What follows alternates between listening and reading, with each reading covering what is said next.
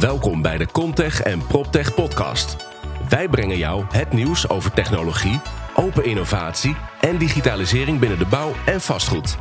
Dit doen wij door start-ups, scale-ups, technologiebedrijven en natuurlijk first movers en innovators vanuit bestaande bedrijven te interviewen. Ik stel je graag voor aan de host van deze podcast, Wouter Truffino, de CEO en founder van Holland Contech en PropTech. Ja, welkom op de stand van Park B. Live vanaf de Provara nemen we deze podcast op. We gaan het straks hebben over de opkomst van property technology en de samenwerking met vastgoedbedrijven. De afgelopen maanden is er weer ontzettend veel gebeurd in PropTech. Ze zijn bijvoorbeeld Lone Rooftop of Zap overgenomen. Mapic heeft 10 miljoen binnengehaald aan funding. Dus er gebeurt ontzettend veel. Maar laten we tijdens deze podcast eens ingaan op Park B en de samenwerking met Xior Student Housing. We zullen eerst starten met een korte introductie. Welkom Robin uh, Kremers en Daniel Mens.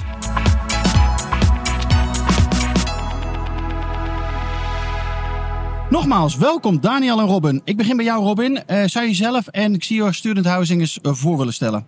Ja, zoals je zegt Robin Kremers. Ik ben uh, country manager voor Xior Student Housing. van origine een Belgische studentenhuisvester. 2007 opgericht. uiteindelijk in 2015 naar de beurs gegaan in Brussel. En eigenlijk vanaf 2016 zijn we hard gaan groeien in Nederland.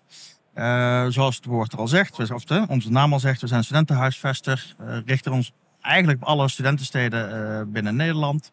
Uh, inmiddels al zo'n 17 steden zijn we uh, vertegenwoordigd. Zo. En ehm, om een klein beetje aan te geven, 2016 zijn we eigenlijk echt gestart in Nederland. Met 300 units hadden we er toen. En ehm, inmiddels gaan we richting, of zijn we net al over de 10.000, af en toe weet ik het ook niet meer. Wauw. 10.000 units. Ja. En wat ik zeg, dan mikken we dus echt op de studenten en dan met name de internationale markt. De, waar eigenlijk de universiteit en de gemeentes waar hun probleem zit, hè, de internationale student, daar, uh, dat is onze doelgroep, onze niche. En hoe zie je die nu ook alweer terugkomen na de pandemie, zeg maar? Ja, nou, dat ik moet zeggen, zelfs ook tijdens de pandemie was het, uh, moet ik zeggen, toch wel redelijk. Uh, hoe lang ze bleven. Met studenten willen ook echt wel op hun eigen plek zitten.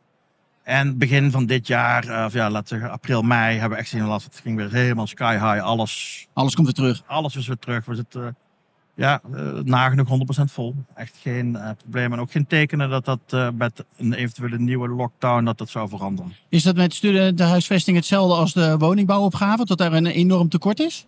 Ja, ja, en dan met name ja, onze niche, de buitenlandse studenten, de, de internationals die, die zeg maar vanuit China, Amerika, Duitsland ook gewoon een plek moeten zoeken en dat gewoon niet kunnen vinden op de markt op afstand. Ja. Alleen bij ons vinden ze dat juist wel. Mooi. Hey, Daniel Mens van Park B, ook welkom. Dankjewel uh, Wouter. Uh, ja, ik ben Daniel Mens, uh, als portfolio manager verantwoordelijk voor eigenlijk alle vastgoedklanten van, van Park B. sinds 2017, dus inmiddels alweer vier jaar, hebben we echt als missie om zoveel mogelijk auto's van de straat af te halen. Nou, en dat kan je natuurlijk heel goed met al die mooie vastgoedklanten die al die parkeerplaatsen leeg hebben staan. Door en in het oog voor hun. een hele mooie kans voor ons. Ja. We hebben inmiddels uh, 350 locaties in, uh, in Nederland en, uh, en Engeland. En dat is eigenlijk de, de start voor de expansie naar de, de rest van Europa.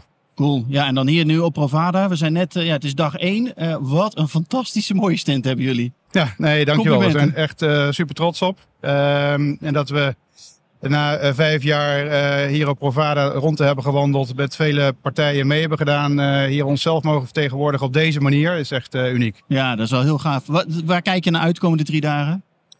Nou, één, wij, de, de vastgoedpartijen die, die kennen ons. die, het koudwatervrees is echt weg.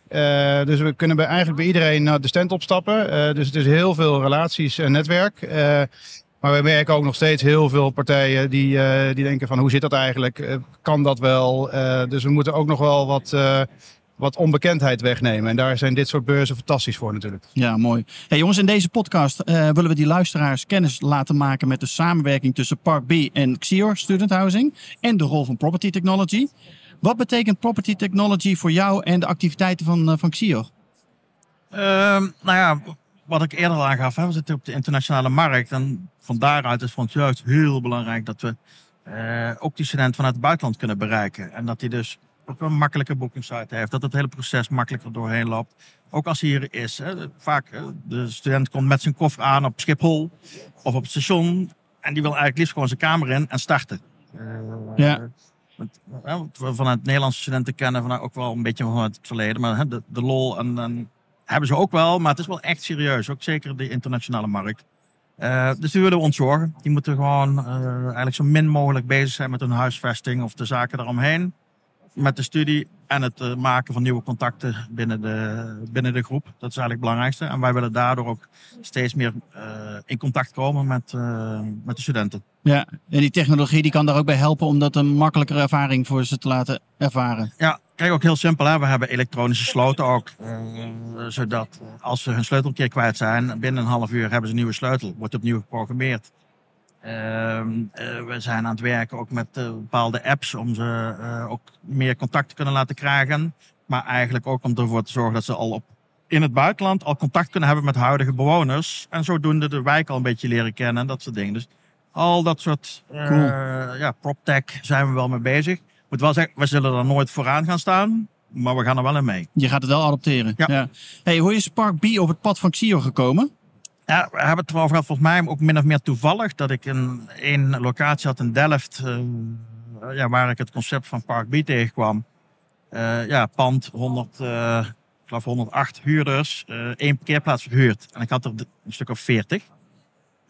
Dus toen ben ik eigenlijk bij Park B in contact gekomen van laten we het maar eens proberen. Kijken Wat kunnen we doen met die 39 parkeerplekken? Ja, ja, ja. en dat was eigenlijk, ja, misschien dag 1 niet, maar vanaf dag 2 was het een succes.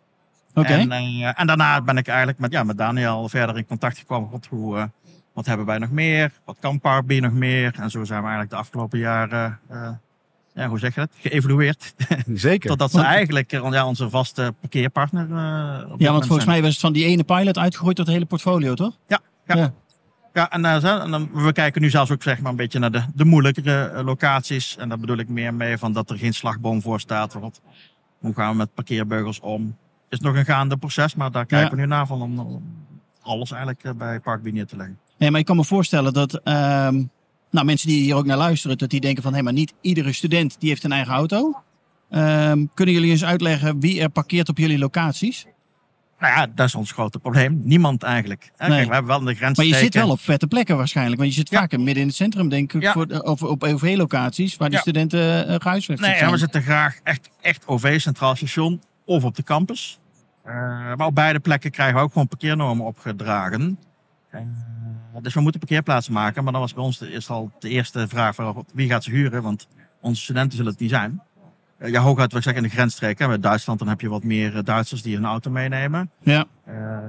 maar voor de rest hebben we inderdaad hebben we er echt een probleem om die plaatsen kwijt te raken. En daar, dus het is perfect dat we daar Park B voor kunnen hebben. Cool. Hey, welke rol kan Park B spelen voor vastgoedbeleggers met betrekking tot property technology? Daniel. Nou, inhakend op wat, wat, wat Robin eigenlijk al zegt. Hè. Het, heeft, het heeft best wel veel impact op uh, huurders. Uh, en, en je hoort ook steeds vaker dat property technology, hè, PropTech in de volksmond. Ja. Uh, we hebben er hier een, een hele futureplein aan gewijd. Dat speelt een, echt een essentiële rol voor de vastgoedbelegger. het gaat om weten wat er gebeurt. Het gaat om efficiënter maken, hè, wat voor gebied dan ook. Uh, het, wat, er, wat er gaande is. Om uiteindelijk uh, de stap voorwaarts te maken. En niet meer bezig te zijn met de operatie. Uh, maar dat allemaal vanzelf te laten gaan. Nou, daar zie je, als je dan in, in, gaat, in gaat zoomen op parkeren. Ja. Da, daar is dat ook een hele belangrijke rol. Technologie. Het, het beschikbaar maken van zo'n parkeerlocatie op een, op een netwerk, op een platform zoals de onze. Ja, dat kan niet zonder technologie. Vervolgens hem slimmer maken. Uh, met data, ja, dat kan niet uh, uh, zonder data. Dus dat, dat, die kan je inzetten en dan vervolgens kan je zo'n locatie niet alleen gebruik laten maken van huurders van, van Xior, voor bewoners van Xior. Ja. Uiteraard hebben zij gewoon een gegarandeerde plek als ze dat willen. Maar je kan in één keer mensen van buiten de stad laten parkeren. Je kan buurtbewoners daar een plekje geven. en zo krijgt in één keer zo'n locatie veel meer een buurtfunctie dan alleen maar die parkeerplek reserveren voor die bewoner. Ja, heel cool. Hey, maar hoe, heel concreet, zo'n eerste samenwerking in Delft. Hoe komt dat tot, uh, dat, dat komt op een of andere manier tot stand, maar wat doe je dan? Zit daar dus de slagboom die jullie slim maken? Ja, Is dat wij, de eerste stap? Uh, wij uh, installeren daar onze smart technology op. daarmee komt die in het, in het platform beschikbaar. tussen al die andere 350 locaties. dat is aan de ene kant. En aan de andere kant hebben wij. Maar dus dan zien gebruikers hem al? Ja, ja, precies. Ja. En dan zien ze hem eh, en, en, en, en wij gaan echt uit van iedereen heeft al een parkeer-app, iedereen heeft al een navigatie-app op zijn telefoon staan. Ja. Dus daar integreren wij mee, zodat die heel makkelijk toegankelijk is. En dan is het eh, ja, eh, een, een no-brainer. Ja. Wat levert zo'n samenwerking nou op tussen Park en Xior? En nog even terugkomend daarop, dat was voor ons ook wel een reden om echt met Park B verder te gaan. Dat de hele implementatie, installatie gewoon zo makkelijk ging. Daar Nou gaan we ook wel vertrouwen van, oké, dan gaan we door, dan gaan we de volgende pakken en eh, zo gaan we verder kijken. Ja, ik neem aan dat dat super belangrijk is voor jullie. Nou ja, kijk, dat, het is niet ons core product, dus we willen er, ja, Je wilt dus ik wil wel kwijt. geven, maar ik wil niet de sores hebben. Ik wil, het moet gewoon doorlopen. En, Ja. eh, dat hebben we op deze manier. Het moet je wel wat opleveren. En wat levert het dan- je dan op, zo'n Ja, samenwerking? Nou ja, natuurlijk heel simpel, extra omzet. Eh, omzet die wij normaal op straat lieten liggen. Mag je hier op de Provada wel noemen hoor, toch? ja. Het gaat alleen maar over geld. Nee, dus dat, dat is een dingetje. Plus Ja. wat je dan ook wel ziet, zijn eh, de contacten met eh, kantoren in de buurt, eh, buurtbewoners eh, die wel een plekje willen hebben, die bij spreken duur bij de gemeente moeten huren. Ehm, nou, allerlei eh, eh, ja, partijen kom je dan eigenlijk tegen die je normaal niet tegen zou komen. Plus niet onbelangrijk wat voor ons nu wel ontstaat, dat we ook een soort van eh, ja, zeg het, bewijs kunnen neerleggen bij een gemeente. Van kijk nou, we verhuren hier helemaal niks, behalve als we het straatparkeren weghalen. Ja.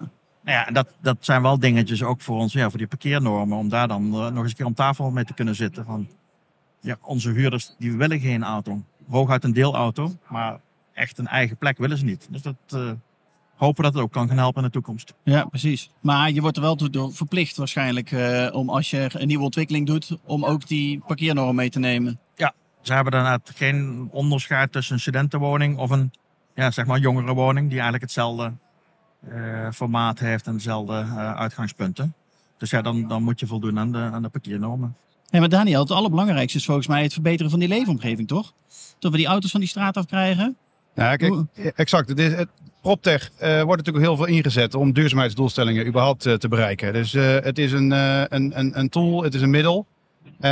En daarnaast zie je inderdaad, wat, wat Robin ook zegt, de, de gemeente die kijkt naar één kavel. Die denkt, nou daar, moeten zoveel, daar komen zoveel huurders, dus er moeten zoveel parkeerplekken gemaakt worden. Ja, En niemand kijkt naar de overkant, of naar links of naar rechts, waar er nog meer leegstand is. Dus waarom zou je nog meer bijmaken, terwijl er al genoeg capaciteit is?